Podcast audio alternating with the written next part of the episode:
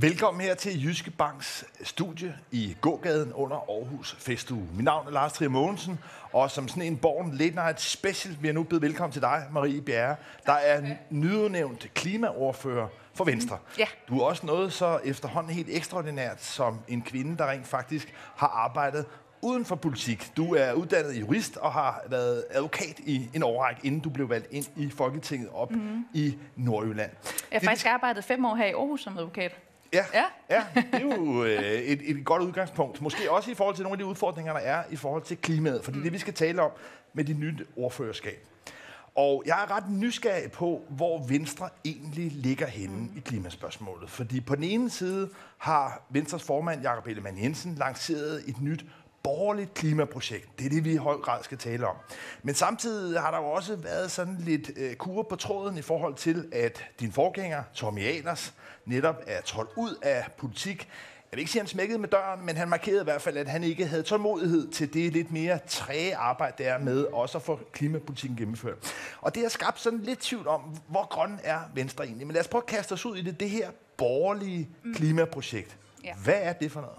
Jamen, det borgerlige klimaprojekt, det handler om tre elementer.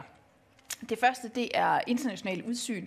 Det er fordi, vi tror på, at hvis vi skal rykke på, på klimadagsordenen, så bliver vi nødt til at internationale udsyn. Det dur ikke at, øh, at køre den der venstrefløjs klimanationalisme-politik. Altså, vi bliver nødt til at, at have en klimapolitik, der gør, at vi er et land, man gerne vil følge efter. Øhm, så derfor har vi internationalt udsyn.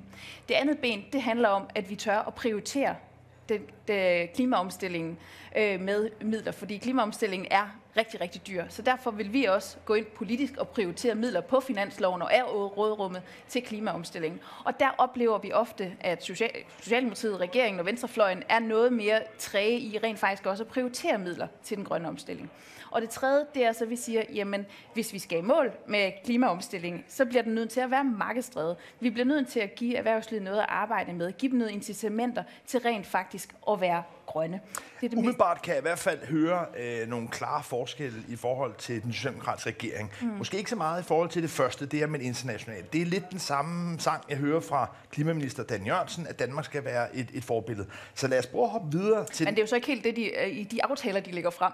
Nej, hvordan mener, hvordan mener du det? Øh, jamen altså, øh, jeg synes ofte, at venstrefløjen, de, øh, de begynder at gøre erhvervslivet og landbruget til fjender i den grønne omstilling. Og hvis man gør det, jamen så er man jo i hvert fald ikke, så er man i hvert fald ikke internationalt udsyn. Fordi hvis man bare vil lukke øh, erhvervslivet ned og gøre erhvervslivet til fjender, jamen så bliver vi jo ikke et land, man har lyst til at øh, efterfølge. Så flytter, flytter de arbejdspladser til udlandet.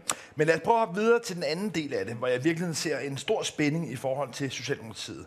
Noget af det, som øh, Jacob Ellemann spillede ud med, og det I nu øh, med, med Venstres borgerlige klimaprojekt har foreslået, det er, at man i virkeligheden skal lave nogle omprioriteringer. Helt konkret har I foreslået, at det, der hedder dimittentsatsen, altså når man er nyuddannet og kommer ud, altså skal man ikke kunne komme ud på en helt så høj dagpengesats, som man kan i dag, og de penge, dem vil I så øremærke øh, til klimaet. Ja. Ja. Prøv lige at forklare, hvad er det for nogle hårdere prioriteringer, I ligger for dagen?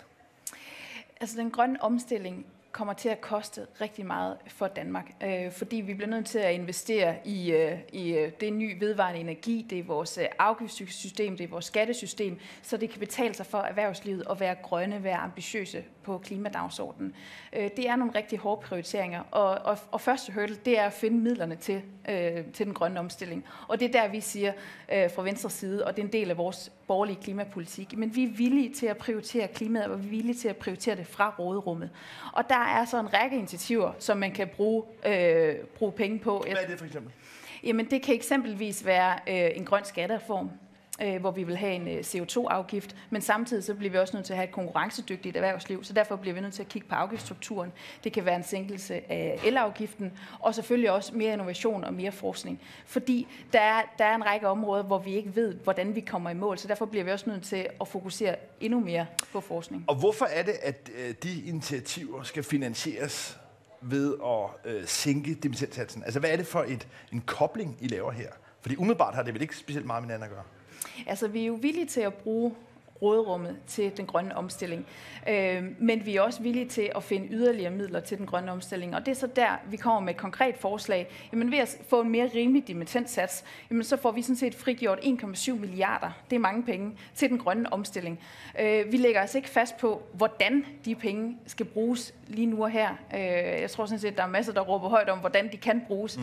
Øh, det skal selvfølgelig investeres øh, klogt, men, men noget af det, vi ser for os, det er blandt andet sådan en grøn skattereform eller en sænkelse af elafgiften, eller gøre erhvervs, dansk Prøv lige at forklare, hvad, hvad ligger der i en grøn skattereform? I en grøn skattereform, der ligger der det i det, så er vi faktisk tilbage til ben nummer to, at den grønne omstilling også skal være markedsdrevet. Det handler om, at vi vil have erhvervslivet med. Øhm, fordi det tror vi faktisk er det mest effektive, hvis det er erhvervslivet selv, der går forrest, og det kan betale sig at være ambitiøse på klimaet. Men det handler jo så også om, at så skal erhvervslivet have noget at arbejde med øhm, og give dem nogle incitamenter. Og det er så der, vi siger, at vi vil lave en grøn skattereform, hvor vi beskatter det, der er sort, og så giver incitamenter til at være øh, klimavenlige og producere klimaneutralt. Der er ikke nogen tvivl, hvis man taler med alt, hvad der sådan set kan kryve og gå af økonomiske eksperter i det her mm. land, så peger de alle sammen på, at en generel CO2-afgift, mm. altså hvor man går ind ligesom og siger, at forureneren skal betale, mm. En generel CO2-afgift, det er klart det mest økonomisk effektive. Præcis. Netop fordi, som du er inde på, ja. at så er det det, ligesom vil blive indrettet i priserne. Ja. Hvis man gerne vil købe noget, der sviner, om man vil, mm. så må man betale for det, ja. og så vil folk ligesom ret automatisk begynde at vælge nogle grønnere løsninger. Men det der så, altså ofte er det jo de djævelske detaljer, der er ret afgørende i, i politik. Og en ting er at sige, at man gerne vil have en grøn skattereform, mm. men spørgsmålet er jo på hvilket niveau. Altså, øh, de miljøøkonomiske øh, vismænd, de har været ude og anbefale, at der skal være en afgift på 1.500 kroner per tons udledt mm. CO2. Det vurderer de vil være den mest effektive måde mm. at komme igennem med den 70% målsætning. Ja. Hvis jeg nu siger en afgift på 1.500 kroner per ton, og det er det mest effektive ja. ifølge økonomerne, ja er du så med på den? Altså, jeg kommer nok galt af sted, hvis jeg lige låser mig fast øh, nu og her på, at det er det rigtige niveau. Nu har vi jo lavet en aftale om en grøn skattereform, hvor vi netop får, øh, får beregnet på og får, får nogle anbefalinger til, hvad det er, der rent faktisk kan lade sig gøre. Jo, men, men det er med på, og der er ligesom, nogen vil sige, at det ligesom er meget fornuftigt, at man har sat øh, professor Michael Svare mm. øh, til at udregne det her. Det er jo altid en god ting at vide noget. Mm. Omvendt kunne man sige, det er også igen nogle prioriteringsspørgsmål, nogle politiske spørgsmål. Mm. Og derfor vil jeg bare spørge dig sådan mere principielt. Hvis eksperterne samstemmende siger, mm. at den mest økonomisk effektive måde at omstille på, det er en afgift på 1.500 kroner. Hvorfor er det, man så ikke går ind og siger, jamen det er så det niveau, vi arbejder efter. Vi retter og det, os efter... Og det kan du også sagtens være, at det bliver, fordi vi siger, vi vil gerne have en generel CO2-afgift, fordi vi tror, det er det mest effektive, som du også siger. Men det handler jo også om, at vi samtidig skal have et dansk erhvervsliv, der er konkurrencedygtigt. Og der er vi så tilbage ved det første ben, at vi bliver nødt til at have et internationalt udsyn, at det ikke skal være klimanationalisme. Øh, fordi hvis vi gør det for svært at drive erhverv her i Danmark, jamen så rykker de arbejdspladser bare til udlandet, og det ønsker vi sådan set ikke. Så, så, så derfor men, handler det også om, altså mm. den, den der CO2-afgift, den skal jo kobles med at have et øh, konkurrencedygtigt erhvervsliv. Men det der jo er andre, der vil fremføre, mm. blandt andet nogle af de her økonomer, det er, at hvis man havde mod mm. til at føre det her igennem, altså i stedet for at lave alle mulige puljeordninger og støtteordninger og alt muligt byråkrati, så simpelthen bare altså, lå markedskræfterne slippe løs, vil at mærke med en afgift, så ville man få det. Så er jeg med på, at der vil være nogle brancher, der vil blive ramt af det, men det er jo også netop noget, der vil skabe grobund for nye brancher.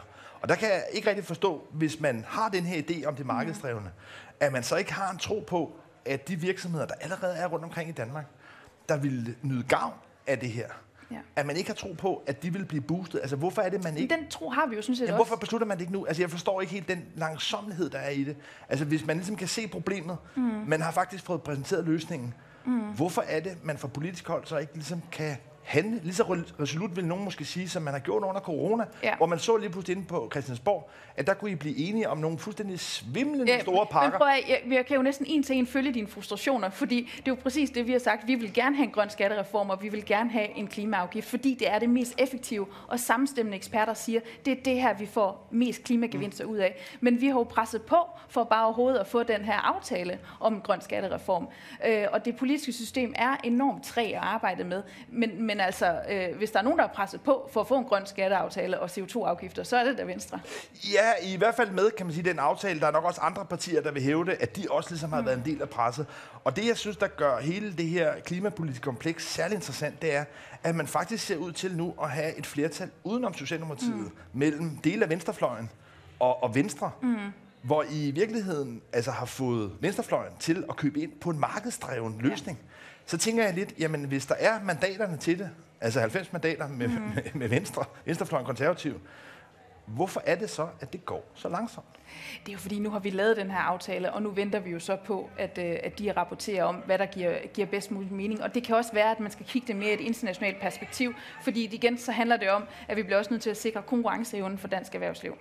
Men kan du godt høre, at det lyder sådan lidt øh, nølende, at det lyder lidt ligesom nogen vil kritisere regeringen for, mm at ja, ja, man er i gang og så videre, men når vi så for eksempel FN's øh, klimapanels rapport, der kom her for ja. tre uger siden, som var alarmerende læsning, hvor man kunne konstatere, at den målsætning, der er i Paris-aftalen, om at de generelle, altså gennemsnitlige mm. temperaturstigninger kun må stige med halvanden grad ja. i de her århundrede, det vil allerede være indtruffet om om det er bare fordi, jeg bliver ked af det, hvis du siger, at, at det lyder som nølende, fordi vi der om nogen det parti, der har, der har, øh, der har kæmpet for, øh, at få en øh, grøn skattereform og for at få klimaafgifter. Øh, men den er jo, ja, det, det er bare, altså det, det, men, jeg men, det skal, men det skal jo gøres ordentligt. Men det er bare altså, ikke besluttet. Altså det, det, det er mere den her mm. altså, langsomlighed. Ja, ja, så har man nogle hensigtserklæringer, ja. nogle målsætninger ja. osv., men det er bare ikke besluttet, det er ikke blevet på konkret. Ja.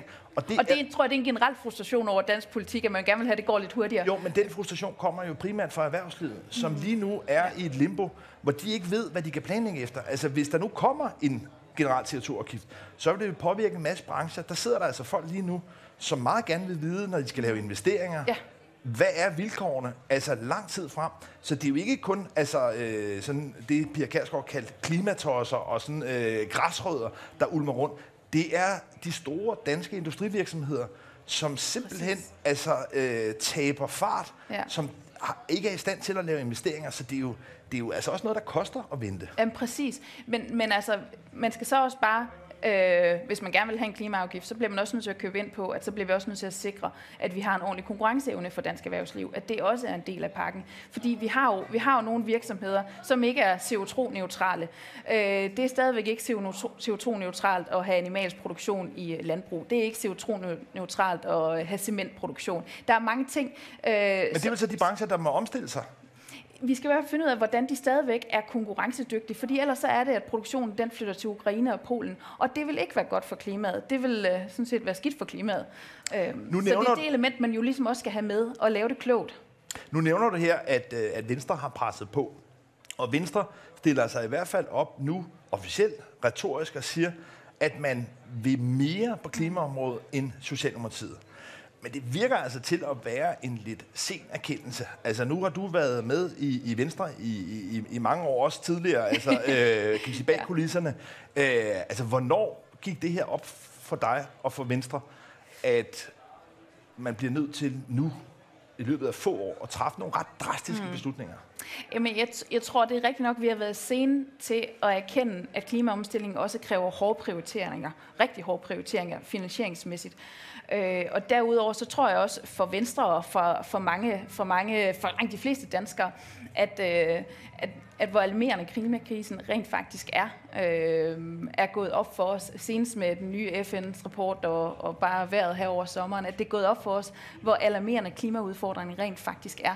Øh, det tror jeg, det er gået op for langt de fleste danskere, men også for os i Venstre. Men, men, men selve det der med, øh, at gå op i klimaet, det mener jeg sådan set er en venstre dagsorden. Det har det altid været for mig. Det synes jeg er en borgerlig og liberal dagsorden. Fordi det handler... Men er der også et generationsspørgsmål her? Fordi jeg kender altså en del altså lidt aldrende øh, venstre mænd, som ikke virker til at have ligget altså, søvnløse om natten på grund af klimaet i, i mange år. Er det et generationsspørgsmål? Er det simpelthen et spørgsmål om, kan man sige, at, øh, at du er yngre og har kendt nogle problemer, som der måske er ældre mennesker i Venstre, som måske ikke helt er på omdrejningshøjde med?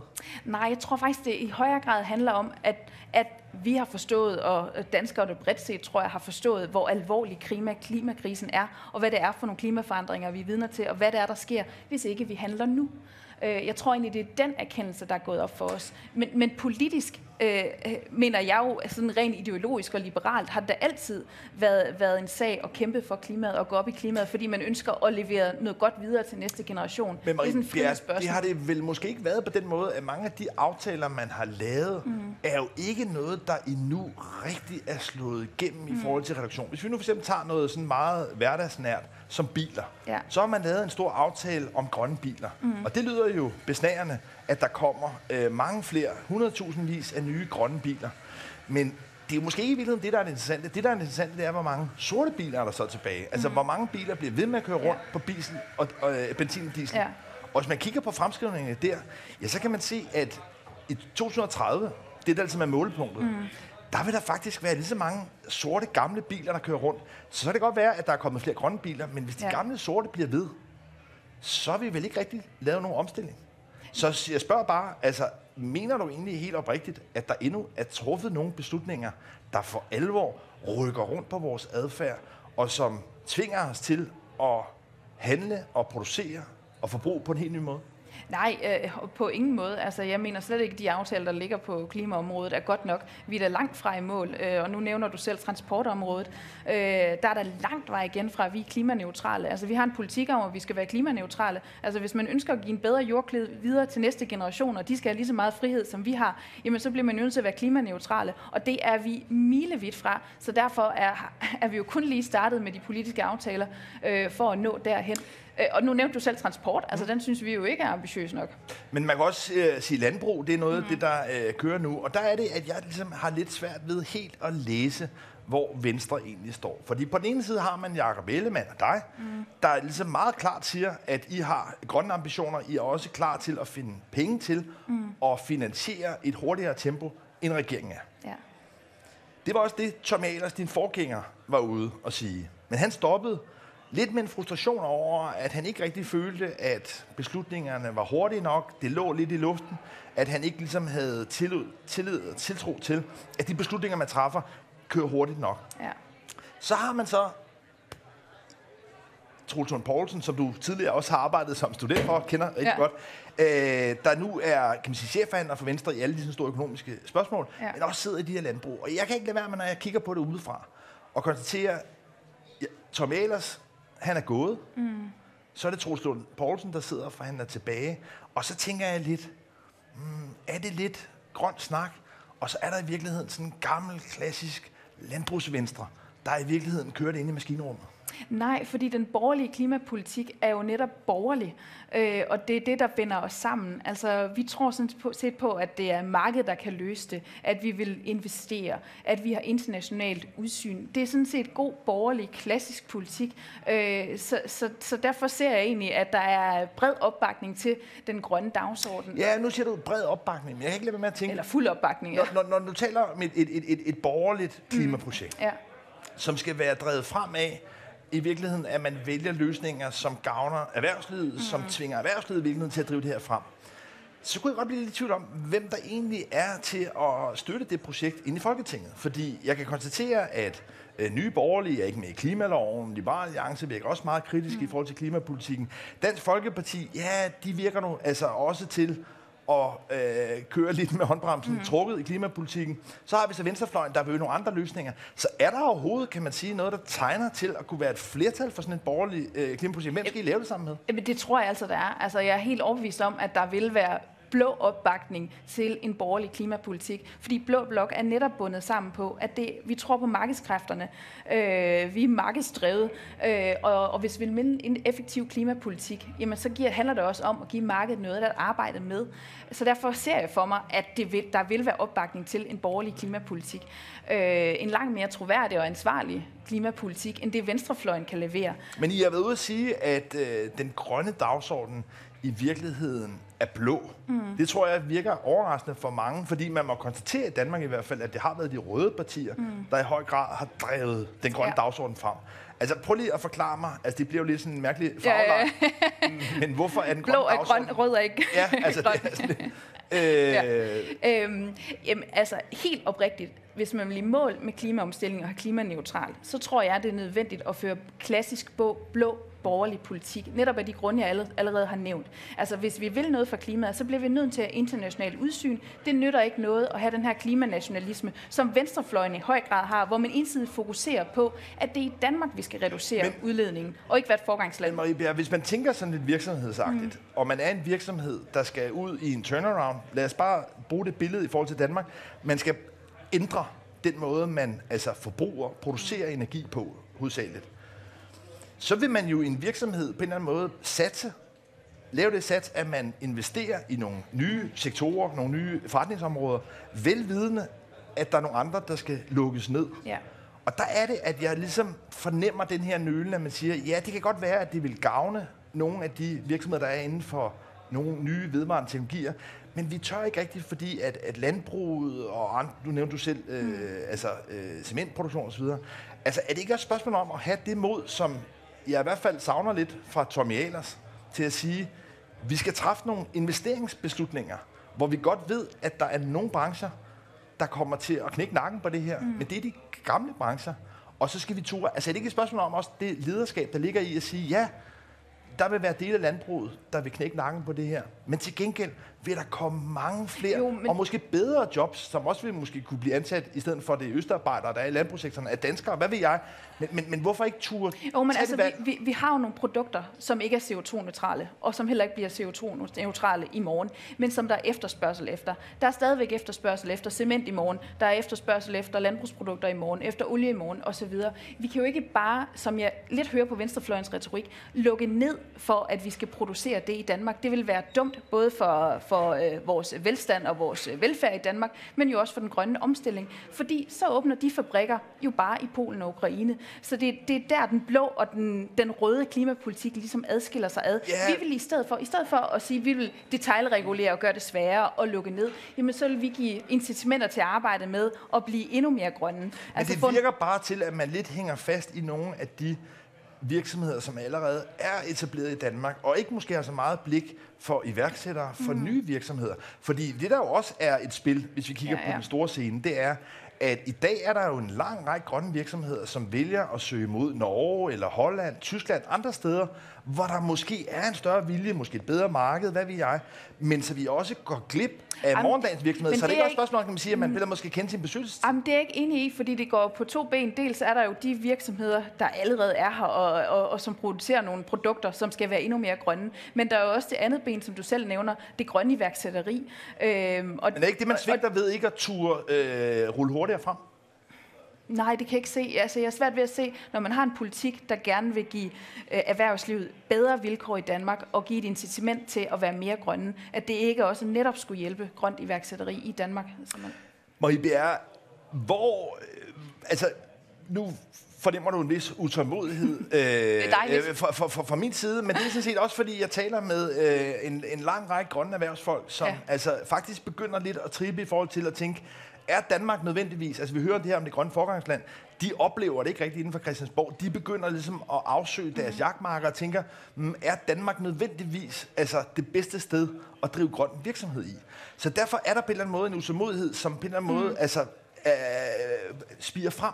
Ja. Så hvad er tidshorisonten? Altså, hvornår er det, at de her syltekrukker på en eller anden måde får hældt indholdet ud? Vi får at vide, hvad er det konkret for nogle aftaler omkring skattereform, CO2-afgift, mm-hmm. så erhvervslivet som borgerne, så vi alle sammen kan begynde at planlægge efter det. Hvornår, hvad, hvilken deadline kan du sætte på det? Jamen, altså, jeg, jeg deler jo den der frustration fuldstændig, fordi øh, vi er jo kommet bagud med klimadagsordenen og den grønne omstilling, øh, og det skal gå meget stærkt med at investere i den, i, øh, i den grønne omstilling. Nu øh, senest forhandler vi jo bare øh, energiøer, hvor, hvor, det også kommer, hvor der også er en enorm lang tidshorisont. Hvor det er vi lægger, med 15 hvor, år eller sådan noget. Ja, præcis. Hvor vi så også lægger pres på, men kan vi gøre det lidt hurtigere? Mm. Øh, og det er jo det, vi forsøger politisk, øh, og vi er øh, mindst lige så frustrerede over, at det ikke går hurtigere, men, men altså, vi ja. har jo ikke 90 mandater. Men lad mig lige slutte af så med, øh, I stiller det jo ret skarpt op, og siger, at I er villige til at tage det, der hedder råderum, som mm. er jo sådan et mystisk begreb, som man sådan set er de penge, man vinder ved at have lavet en lang række reformer, så der ligesom er en bæredygtighed, kan man sige, i dansk økonomi. De penge, siger I nu, dem vil I bruge på klimaomstilling, frem for i virkeligheden velfærd. Socialdemokratiet, de siger så, nej, vi vil hellere bruge dem på velfærd. Det er mm. for at skære det meget kort om. Mm. Tror du oprigtigt talt, at der er øh, flertal i den danske befolkning, for at bruge pengene på at accelerere den grønne omstilling, frem for eksempelvis at investere dem i nærsygehus, eller nogle af de gode gaver, som Mette Frederiksen og regeringen vil præsentere frem mod valget? sådan indlægsvis skal man jo ikke lave politik efter, hvad der er, hvad der er flertal for i den danske befolkning. Øh, men jeg føler mig ret overbevist om, at flertallet af danskere synes, der sker for lidt i forhold til den grønne omstilling. Men tror du oprigtigt talt, at vejen tilbage til regeringskontorerne for Venstre går via det grønne projekt? Det ved jeg ikke. Det er ikke mig, der skal svare på det. Men, men det jeg i hvert fald ved, det er, at øh, den grønne omstilling er top udfordring i det her samfund og globalt set. Og det bliver, det bliver nødt til at være noget, vi prioriterer rigtig, rigtig højt. Marie Bjerre, jeg vil øh, give dig, det er faktisk det første sådan, øh, ja. klimainterview, øh, efter du er blevet øh, du tiltrådt ja. som, øh, som ordfører. Og øh, jeg må sige, at jeg synes, du holder øh, Tom Ahlers øh, linje. det, jeg synes, det bliver meget spændende at se, og som øh, jeg i hvert fald vil holde et vågen øje med, det er, om, om der er andre kræfter i Venstre, mm. eksempelvis Trulsund Poulsen, der sidder og forhandler, der måske trækker det i en øh, anden retning. Men jeg ved ikke, om der er nogen, der øh, har nogle spørgsmål eller kommentarer. Ellers så tror jeg... Jo, ja. Hjælper Rubæk. Um, CO2-afgift synes jeg lyder som en rigtig god idé, men hvorfor skal det ikke gå gennem EU? Hvorfor skal vi ikke være fælles om det der?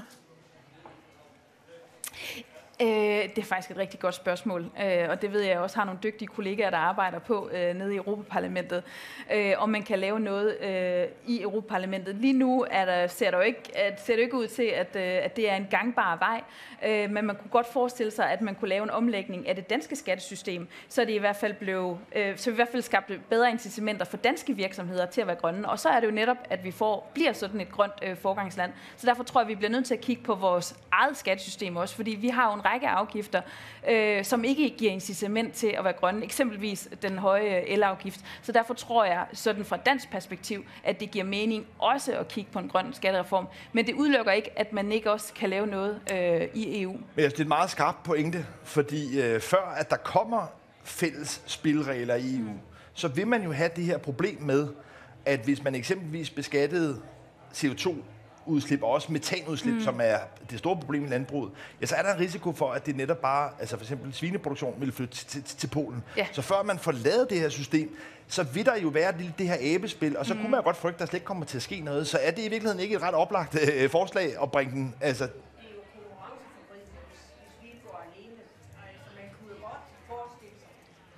man kunne jo godt forestille sig, at man øh, ydede noget støtte til de øh, firmaer, som så øh, bliver beskattet af deres CO2-afgift. For eksempel, der var vist nogle røde politikere, der mente, at man skulle lukke, øh, lukke Portland.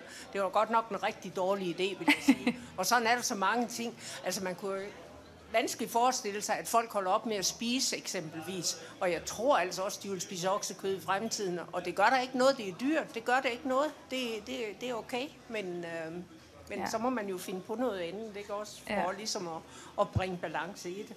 Jamen, du rammer fuldstændig hovedet på sømmen med det der spørgsmål der. Øh, for det er jo udfordringen, hvis vi gør det for svært for dansk erhvervsliv med CO2-afgifter eller andet regulering, jamen så flytter produktionen jo bare til, til nabolandene. Så derfor bliver vi nødt til at have det her internationale udsyn med. Og der bliver ved med at være en efterspørgsel efter kød, efter landbrugsprodukter. Øh, vi bliver formentlig også ved med at bruge cement i vores øh, infrastruktur og, og byggeprojekter osv. Så, så derfor bliver vi jo nødt til, i stedet for at skabe incitamenter til så at lave de produkter endnu mere grønne, end vi gør i dag.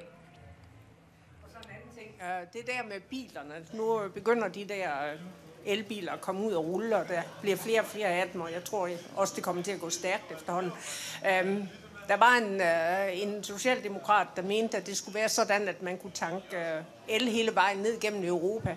Øh, det var lige op til valget. Det kunne jeg så have fortalt ham, at vores nabo var i stand til at køre til Italien og tilbage igen, og i stor udstrækning kunne tanke op ved, øh, ved supermarkeder.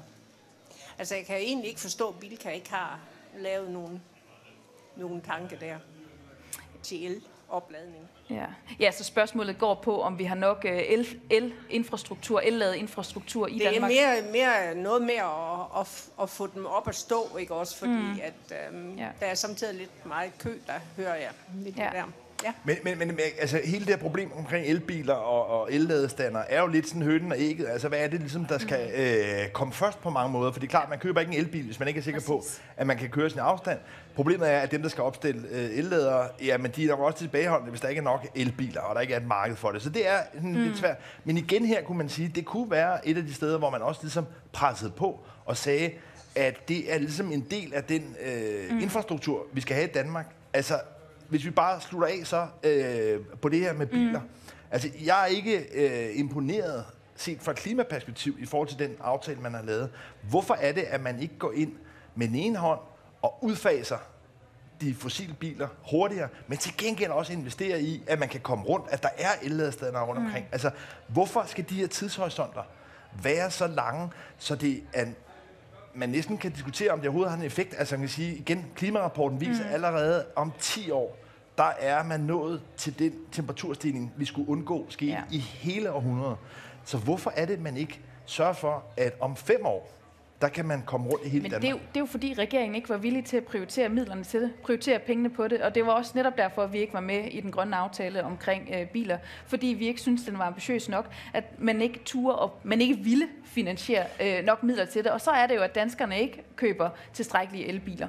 Så den konflikt, der er i virkeligheden, den forskel, den spænding, der er ved at blive tegnet op i dansk politik, som jeg synes er ret sprængfarligt, det er, at I i virkeligheden siger, ja, vi er klar til at gøre det, mm. men det kommer med den pris, at der vil være nogle af de velfærdsløfter, som Socialdemokratiet præsenterer, vi så ikke får råd til. Fordi det er vel den anden side af det, at, at de penge, som Socialdemokratiet foreslår at bruge på, på velfærd, det er jo de penge, I vil bruge på det her. Så det er vel den konflikt, vi står overfor. Det er vel det, der ligesom er omdrejningspunktet.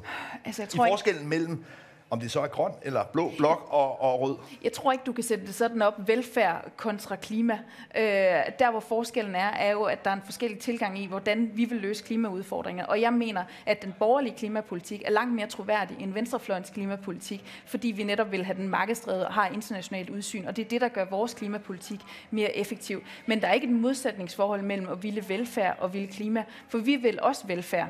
Øh, Socialdemokratiet, de siger så bare, at, øh, at de gerne vil have endnu mere offentlig forbrug. Hvis vi bare slutter af med sådan et konkret spørgsmål. Man har sat en ambition om, at CO2-udledningen skal være reduceret med 70 procent i 2030 i forhold til 1990. Ja. Hvornår tror du i Danmark, at Danmarks Statistik, dem stoler jeg på, at de kan komme ud og sige, nu har vi nået den her 70% reduktion. Altså bliver det i 30, bliver det 29, bliver det 31? Hvornår, hvornår kan vi regne med, at det rent faktisk sker, at Danmarks Statistik kommer ud og siger, nu er vi mål? Jamen altså, det har jeg da en, en forhåbning og øh, også en tro, nogen vil måske mene naiv, men altså på, at det, det bliver inden 2030, og i 2050 skulle vi gerne være klimaneutrale. Altså vi kan simpelthen ikke være andet bekendt. Øh, vi bliver nødt til at levere en, en lige så god jordklode videre til næste generation, så derfor må målet også være klimaneutralitet. Uh, ja, det har Marie? jeg tro på. Marie Bjerre, klimapolitisk ordfører for Venstre, nyudnævnt. Du skal have tusind tak, fordi du kom her i specialudgaven af Borgen Late Night, og tak fordi I kom.